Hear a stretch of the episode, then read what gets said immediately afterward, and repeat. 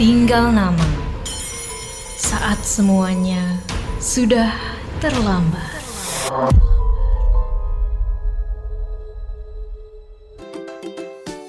Hari gini masih ketipu investasi bodong, masih susah atur keuangan, investasi, klaim asuransi, dan update isu finansial? Dengerin podcast cuan, cari untung bareng teman. Persembahan Media by KG Media dan Motion FM di Spotify. Peringatan, konten audio ditujukan untuk audiens dewasa karena mengandung bahasa eksplisit, berunsur kekerasan, dan seksual. Kebijakan pendengar sangat disarankan.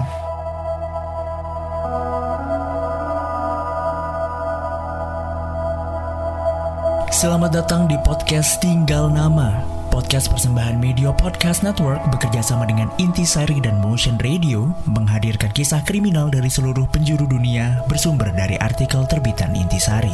Sebelum mendengarkan, jangan lupa untuk klik follow podcast Tinggal Nama dan beri rating terbaikmu. Follow juga media sosial dan TikTok kami di @medio by KG Media agar kamu tidak ketinggalan informasi podcast di jaringan media lainnya. Dan Intisari akan memberikan diskon sampai 50% untuk berlangganan majalah Intisari di atas satu bulan melalui grid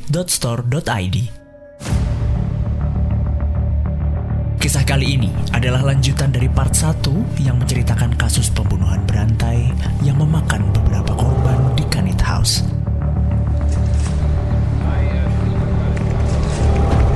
Tanggal 7 Januari, Konsul Jenderal Australia mengirimkan eight memoir mengenai hal yang didengarnya itu pada Direktur Jenderal Kepolisian Thailand di Bangkok. Maaf, tidak ada tanggapan. Sepertinya surat itu sudah tenggelam dalam ratusan surat lain di meja Direktur Jenderal. Kedutaan Belanda juga tidak pernah menghubungi kami. Setelahnya, Howard tidak bisa berbuat apa-apa lagi di negara asing ini, walaupun ia sudah mendapat informasi seputar Alain Gautier yang mencurigakan. Kabar yang mengagetkan itu ternyata sampai juga ke telinga Herman Nippenberg di Kedubes Belanda. Sekretaris tiga kedubes Belanda itu lantas menelpon Madame Gires untuk bertemu. Tiga hari berturut-turut, Nadine datang untuk menceritakan semua yang ia ketahui. Nadine mampu menceritakan dengan detail bagaimana kehidupan Gautier, Suzanne, dan Raj. Dia pembual! Dia pernah menyelundupkan mobil ke India di usia masih sangat muda. Dia juga pintar sekali bergaul dan mudah banget perkenalan sama orang lain. Gautier itu mengaku sebagai orang Prancis yang berumur 31 tahun. Katanya dia lahir di Saigon. Apakah kamu tahu wajah, gaya, atau ciri-ciri Gautier itu seperti apa? Rambut Gautier itu lurus dan hitam berkilat. Matanya hitam dan kulitnya seperti warna buah zaitun. Tulang pipinya menonjol tinggi dan giginya putih. Meskipun nggak terlalu tinggi, tapi penampilannya itu mengesankan. Di samping itu dia juga cerdas dan bisa berbicara dalam banyak bahasa. Selain itu juga dia senang mentraktir orang. Dia kenal dunia timur dengan baik karena sering berpergian dengan Suzanne. Kalau Suzanne hmm, banyak yang mengira dia adalah istri Gautier, tetapi sebetulnya dia hanya kekasihnya. Oh iya, dia juga senang menyebut dirinya Suzanne Ponchat. Tapi pas saya lihat surat-surat dari Kanada untuknya, itu malah ditujukan untuk Catherine Ponchat. Suzanne pernah menjadi perawat dan dia nggak bisa berpisah dari anjing samoyednya yang kecil itu. Penjelasan Nadine membuat sekretaris tiga kedubes Belanda berpikir sesaat. Lalu, bagaimana dengan Raja Skosla? Um, setahu saya, Raja Skosla bekerja serabutan di apartemen Gautier. Ia bisa menjadi sopir hingga pesuruh untuk sekedar membeli rokok. Ya, kelihatannya ia senang dengan pekerjaan itu. Saat Madame Nadine Gires bercerita panjang lebar, Nippenberg bertanya, Terus, apakah kamu tahu nasib tiga orang Perancis, Renlau, Malgorn, dan Philippe yang pernah menginap di rumah Gautier? Philippe kembali ke Kenneth House sehari sebelum Gautier dan Raj pulang dari Nepal. Dia membawa cukup uang untuk membeli tiket ke Prancis untuknya dan kedua temannya. Jadi mereka cepat-cepat kabur. Malgorn juga membawa kunci lemari besi Gautier yang dibuangnya ke tempat sampah di bandara Don Muang sebagai bentuk balas dendam. Ketika mendapati ketiga tamunya sudah kabur membawa kunci lemari besinya, Gautier marah-marah dan menelpon Nadine untuk menceritakan peristiwa itu. Nadine naik ke apartemen Gautier dan mendapati barang-barang berserakan di lantai. Di antaranya, kertas-kertas itu didapatinya dua buah orderan pengiriman uang atas nama Franciscus Bintarang dan juga buku catatan harian Mina Johnson. Nadine diam-diam mengambil buku itu. Keesokan harinya, Gautier kembali ke Nepal. Suzanne memang tidak ikut ke Bangkok, dan Raj menyusul majikannya keesokan harinya. Buku catatan harian Franz diserahkan oleh Nadine kepada John Howard. Nippenberg segera menemui Howard pada tanggal 9 Maret.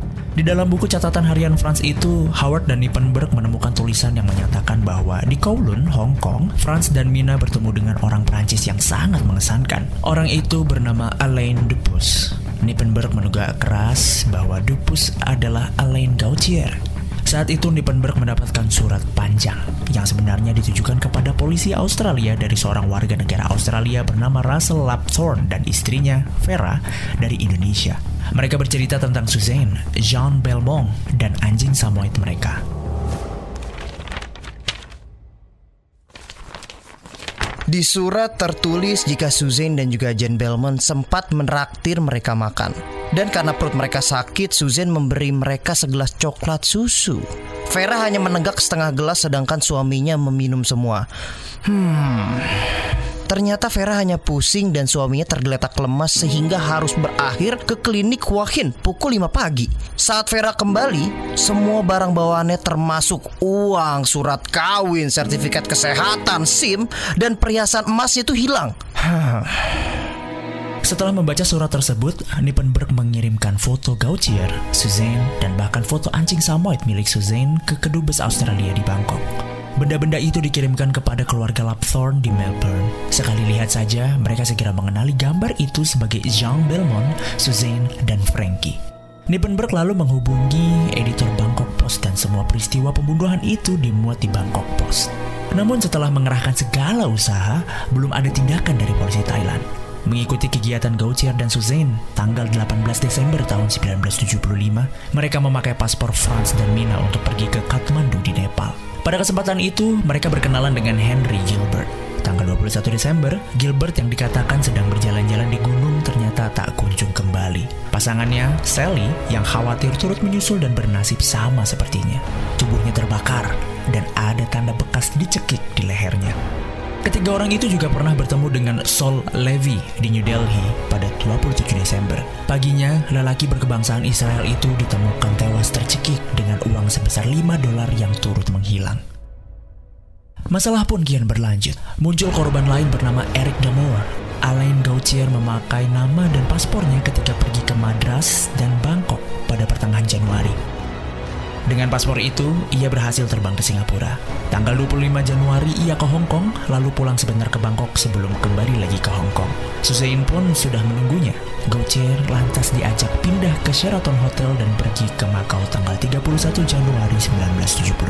Ketika kembali ke Hong Kong, dua hari kemudian, mereka bertemu seorang warga negara Amerika Serikat kelahiran Jawa, Peter Frederick Clark. Kepada Clark, Gautier mengaku bernama Eric Damore.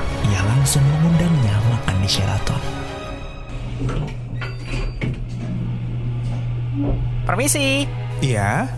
Ah, Anda baru check-in. Iya, rencananya saya mau nginap beberapa hari. Setelah itu mau ke Singapura. Oh, begitu. Perkenalkan, saya Eric Demer. Saya Peter Frederick Clark. Panggil saja Clark. Saya mau makan malam. Habis itu saya mau ke klub malam. Kamu mau ikut? Boleh, kebetulan sehabis ini saya nggak ada agenda lain. Tiga hari kemudian, Clark sadar dengan posisi tergeletak di lantai. Ia pun mendapati bahwa paspor, cek perjalanan, dan kartu kreditnya telah lenyap. Gawat! Bagaimana bisa hilang? Kalau begini, bagaimana aku bisa pulang? Ah! Pada 5 Februari, Gautier dan Suzanne sudah berada di Singapura. Mereka lalu terbang ke Thailand Selatan. Anehnya, mereka bisa lolos dengan Suzanne yang memakai paspor Eric Damore. Gimana? Lolos? Iya, aku lolos. Para penjaganya bodoh banget. Ngecek aja enggak. Dia langsung memberiku masuk. Mereka nggak cuma bodoh, kamu yang terlalu pintar. Kamu kan sudah mengganti foto Demer dengan fotomu. Sesampainya di Kanit House, mereka sudah ditunggu Raj yang membawa pulang salesman Prancis bernama Alfred Collin. Sementara itu, sekretaris tiga kedubes Belanda, Herman Nippenberg, hanya bisa menyebarkan bukti surat ke kedubes Amerika Serikat, Inggris, Kanada, Prancis, dan Nepal. Sayangnya, polisi Thailand masih tetap bergeming. Ketika didesak, polisi hanya mendatangi apartemen Gautier, lalu memeriksa paspornya dan Suzanne. Permisi, kami dari kepolisian. Tolong perlihatkan paspor kalian. Mereka memperlihatkan paspor mereka sendiri. Setelah sudah, polisi langsung meninggalkan mereka. Tidak sampai situ. Kedubes Amerika Serikat pun buru-buru turun tangan karena paspor warga mereka, Peter Frederick Clark, ketahuan dipakai orang lain. Saat diperiksa, Gautier menyogok polisi sebesar 15 ribu dolar dan melenyapkan diri. Gotir, Anda ditangkap karena menggunakan paspor Peter Frederick. Komandan, Gautier tidak ada. Cepat cari di daerah sini. Yang lain, geledah ruangan ini. Apartemen Gautier di Kanit House pun digeledah. Ditemukan bermacam-macam obat bius, alat-alat suntik, buku tentang agama Buddha yang bertuliskan nama Mary Jane McLachlan, hingga paspor Prancis atas nama Eric Damore dengan foto Suzanne. Polisi kemudian menyegel apartemen itu. Sementara paspor Raj ditahan oleh polisi. Raj tetap dibiarkan di sana. Malamnya, Nadine Jires melihat Gautier dan Suzanne pulang membawa koper. Paginya, saat ia ke apartemen mereka, Suzanne dan Gautier sudah menghilang. Wanita itu melihat kertas-kertas berserakan. Di antaranya ada surat asuransi yang dikeluarkan di Barcelona, Spanyol, untuk Yusuf Bilgin dan tiga pas foto ukuran paspor milik Bilgin. Ia lantas memberitahu Nippenberg sambil menyerahkan foto-foto itu. Kalau begini, aku harus menghubungi kedubes Turki dan memberikan foto-foto Bilgin. Rabu, 17 Maret, Rajesh Kosla meminta polisi mengembalikan paspornya dan dengan mudah ia memperoleh paspor itu. Ia pun segera masuk ke kedubes Amerika Serikat dan menceritakan semua yang diketahuinya tentang Peter Frederick Clark. Sejak itu, Raj lenyap entah ke mana. Sementara itu, Nippenberg mendengar dari polisi Belanda bahwa Renelau dan Philip secara sukarela membuat pertanyaan pada kedubes Belanda di Paris untuk melengkapi keterangan Nadine Gires kepada Nippenberg. Dilakukannya lagi investigasi kembali pada mayat gadis berbikini yang diduga sebagai Mary Jane McLachlan. Sesudah diketahui identitasnya, tidak sulit untuk merekonstruksi kejadian sebelum ia tewas, termasuk kunjungan ke Kanit House. Sama seperti Mary Jane, mayat yang diperkirakan pria Thailand pun digali lagi dan ternyata ia adalah Yusuf Bilgin. Mayat yang ditemukan disolokan diidentifikasi sebagai Yvonne Desbois, pacar Bilgin. Pengidentifikasian Yvonne ini merupakan permintaan dari Prancis kepada istri Letkol Sompol Sutimai yang juga seorang wanita Prancis. Kepala seksi Interpol di kepolisian Thailand itu tertarik dengan tulisan di Bangkok Post mengenai Gautier dan Suzanne. Alain Gatir dan Suzanne di Kanit House, Mary Jane, Vone, Franz, dan Mina. Astaga, ini harusnya sudah menjadi tanggung jawabku untuk menyelidiki ini. Aku akan menghubungi para duta besar di tiap negara. Dari hasil penyelidikan bersama, diketahui Gautier itu kemungkinan adalah nama palsu dan nama aslinya tidak diketahui oleh Interpol. Darinya diketahui pula bahwa Suzanne itu merupakan nama palsu. Nama aslinya adalah Katerina Ponchet jadi keterangan Nadine Jires tentang nama itu betul. Suzanne pernah bekerja sebagai sekretaris dokter dan kemudian hidup bersama pria tua kaya bernama Levant. Ketika laki-laki itu sedang pergi ke India, dia bertemu dengan Gautier dan jatuh cinta.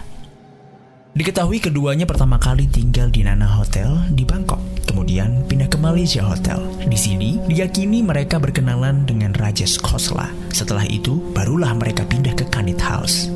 Pelacakannya lebih lama dari yang kukira.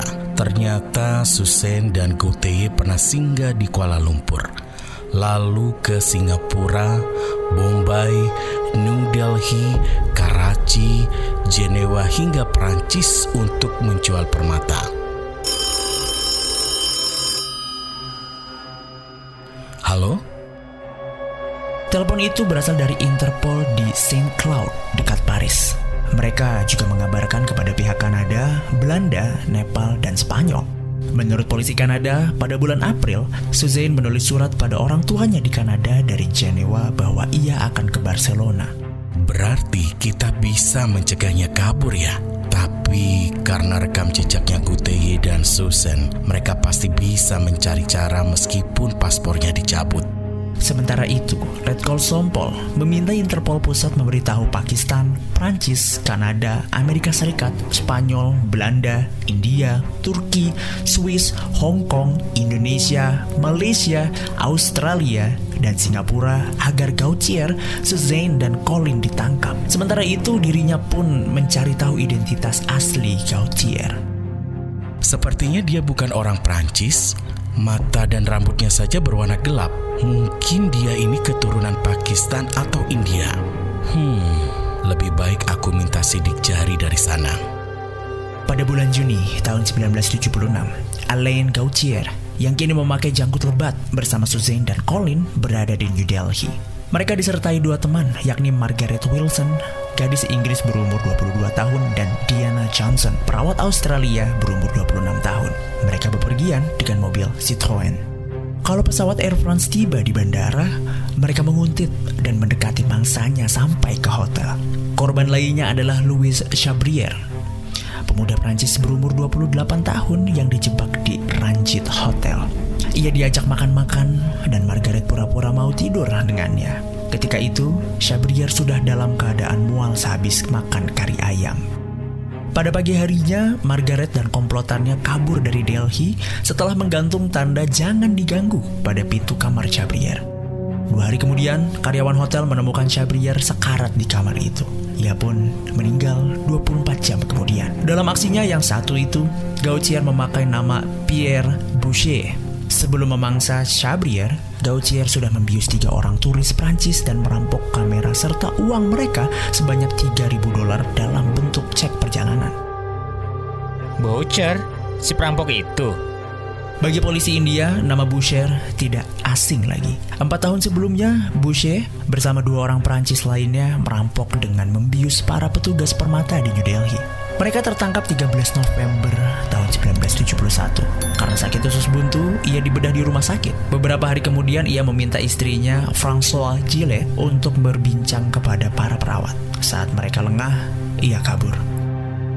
Pada tahun 1977, Gautier mulai beraksi lagi. Ia kini membius 62 turis sekaligus. Mereka adalah rombongan yang datang dari Prancis dan tinggal di Vikram Hotel, New Delhi. Gautier dan komplotannya pun bersikap ramah dan siap menolong mereka dengan mengaku sebagai orang setanah air. Gautier yang kini mengubah namanya menjadi Charles menelpon para wanita lanjut usia untuk membeli permata. Mereka ditawarkan permata bagus dengan harga murah. Charles dan komplotannya juga beraksi di Taj Mahal dan memperingatkan para turis agar hati-hati saat minum. Tuan dan Nyonya, hati-hati kalau minum di Taj Mahal.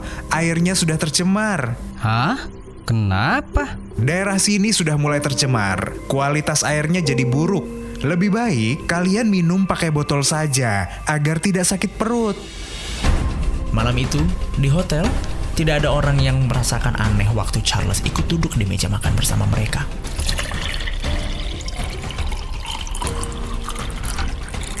Pada saat pelayan menuang air minum ke gelas-gelas mereka, ia memperingatkan sekali lagi akan bahaya sakit perut akibat air yang tercemar. Ia pun langsung mengeluarkan kantong yang berisi pil untuk menetralisir air. Siapa yang mau? Saya, saya, saya, saya. Saya! Semua orang pun langsung meminumnya. Namun rupanya Charles salah perhitungan. Sebagian besar korban sudah keburu meraung-raung karena sakit perut sebelum meninggalkan meja makan. Mereka muntah-muntah sehingga ambulans pun dipanggil. Seorang pelayan yang melihat Charles dan komplotan baik-baik saja langsung menudingnya sambil berteriak. Itu dia orangnya yang membagi-bagi pil. Charles dikepung beramai-ramai, tetapi malah dibela oleh para turis. Gila kalian, dia kan teman kami. Polisi pun datang. Secara kebetulan, ikut pula asisten komisaris Tully yang mengejar Boucher sejak kematian Louis Chabrier.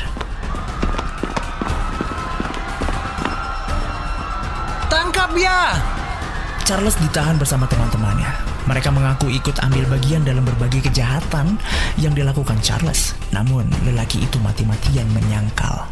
Hah? Enggak, enggak. Saya nggak bersalah. Saya nggak mengenal mereka. Lepaskan saya. Saya juga turis. Namun bagaimana ia bisa mengingkari sidik jarinya yang sama dengan sidik jari Boucher? Apalagi di perutnya ada bekas operasi usus buntu. Letkol Sompol dari Interpol Thailand pun diberitahu. Setelah penyelidikan lebih lanjut, diketahui nama asli Alain Gautier adalah Charles Gurmuk Sobrach. Mereka orang yang sama. Iya, ternyata hidupnya lumayan keras. Sampai-sampai ia harus menjadi penjahat mengerikan seperti ini. Charles lahir di Saigon, 6 April tahun 1944. Ibunya seorang wanita Vietnam yang menjadi gundik seorang pengusaha tekstil kaya dan tampan dari Bombay, Ho Chan Baunani Sobrach. Mereka tinggal di Saigon. Ketika Charles berumur lima tahun dan ibunya mengandung lagi, Sobrach membawa istri sahnya ke Saigon. Sehingga tidak ada pilihan lain baginya selain angkat kaki dari rumah. Ia menikah kembali dengan seorang perwira Prancis yang baik hati, Rene Montu. Montu bersedia mengadopsi adik perempuan Charles. Sementara itu, Charles diambil oleh ayahnya. Ketika ibunya pergi ke Prancis karena Mongju dipindahkan ke tanah airnya, Charles pun ikut. Umurnya saat itu masih 8 tahun. Sebagai anak Sobrach, ia tak memiliki kekurangan. Berbeda di Marseille, Prancis, ia harus menyesuaikan dengan penghasilan kecil yang diperoleh Mongju. Charles sangat ingin kembali ke Saigon sampai mencoba menyelinap dengan kapal. Akhirnya, ayahnya setuju ia datang ke Saigon. Saat umurnya menginjak 18 tahun, ia tidak betah dan meminta ibunya untuk mengirim ongkos untuk kembali ke Marseille. Di Prancis, ia hanya mendapatkan izin tinggal sementara sehingga tidak bisa mendapat pekerjaan tetap. Jadi, bukan karena uang dan penghasilan tetap dia mulai mencoba berbagai kejahatan. Iya, dari rekam jejaknya dia pernah dua kali masuk penjara. Di penjara, dia bertemu dengan seorang sosiawan yang kerjanya mengunjungi narapidana. Sosiawan itu bernama Xavier Sely. Sely bersimpati pada pemuda itu yang dianggapnya merupakan korban keadaan. Saya baru lihat kamu deh. Hmm, kalau boleh tahu, kamu kenapa masuk penjara? Sebenarnya saya Berkat usahanya, Charles mendapatkan kewarganegaraan Prancis. Kemudian, ia hidup bersama dan menikah dengan gadis Prancis bernama François Chile tanpa restu orang tuanya. Kemudian mereka berdua pergi ke Bombay untuk menghindari kejaran yang berwajib. Di sini lahir putri mereka, Asha, yang kemudian dikirim ke orang tua istrinya di Prancis. Pada masa inilah, Charles berbuat kejahatan dengan memakai nama Pierre Boucher. Setelah kabur dari rumah sakit, ia dan François pergi ke Afghanistan. Di sana mereka dijebloskan ke penjara. Orang tua François pun dengan susah payah mengumpulkan uang untuk menebus putri mereka dari penjara. Akan tetapi yang bebas malah Charles. Sementara istrinya tetap meringkuk di dalam. Dengan paspor palsu, Charles kabur ke Prancis dan bercerai dari istrinya. Kemudian ia menikah lagi dan hidup di Amerika Serikat bersama putrinya. Charles diadili pada bulan Agustus 1978 di New Delhi hanya untuk kasus kematian Louis Chabrier. Dengan ini, Charles Gurmuk Shobart dijatuhi hukuman penjara 7 tahun Meski telah dihukum, ia naik banding dan malah dibebaskan. Hal itu disebabkan karena Louis Chabrier adalah pecandu obat bius dan dokter tidak bisa membuktikan apakah Chabrier dibius atau membius diri sampai mati. Untuk perkara perampokan permata di Ashoka Hotel, Charles Sobrach dikenai 5 tahun penjara. Namun ia masih mendapat tambahan hukuman karena kabur dari rumah sakit dan mencoba membius turis-turis di Vikram Hotel. Letkol Sompol dan kepala imigrasi Thailand pun merundingkan ekstradisi dengan India karena mengharapkan Sobrach bisa diadili di Bangkok. Saat itu India dan Thailand belum memiliki perjanjian ekstradisi. Xavier Sely, sosiawan Prancis yang dulu membantu Charles Sobrach mendapatkan kewarganegaraan Prancis, masih saja membelanya. Charles itu anak yang baik. Dia sopan dan ramah. Dia hmm, cuma salah satu korban dari kejamnya dunia. Dan dia itu sebenarnya warga negara India, bukan Thailand. Xavier Sely berusaha agar Charles mendapatkan kewarganegaraan Indianya lewat ayahnya. Meskipun berhasil, Sobrach tetap dihukum penjara di New Delhi. Dirinya pernah mencoba kabur dari penjara dengan membius para sipir. Sayangnya, hukuman atas kelakuan kejinya itu hanya berlangsung sebentar. Pada pertengahan tahun 90-an, ia berhasil menghirup udara segar.